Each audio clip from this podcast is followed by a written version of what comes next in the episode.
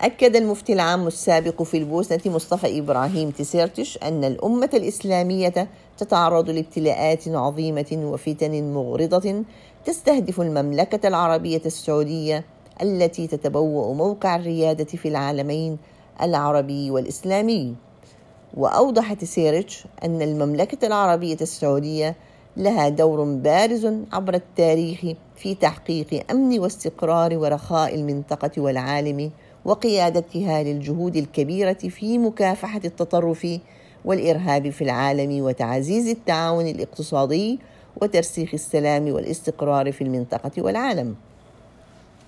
وأضاف المملكة لا تزال تعمل مع الدول الشقيقة والصديقة لتعزيز هذه الأهداف مستندة في كل ذلك إلى مكانتها الخاصة بوصفها مهبط الوحي وقبلة المسلمين.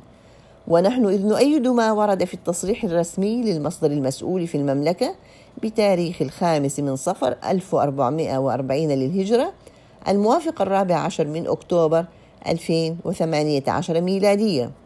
نعلن تأييدنا لموقف المملكة العادل وهي وقفة ثابتة مع القيادة السعودية على الطريق المستقيم نحو الأمن والسلام والإستقرار في العالم من أجل الأمن والسلام والاستقرار لديننا الحنيف ولأمتنا المجيدة.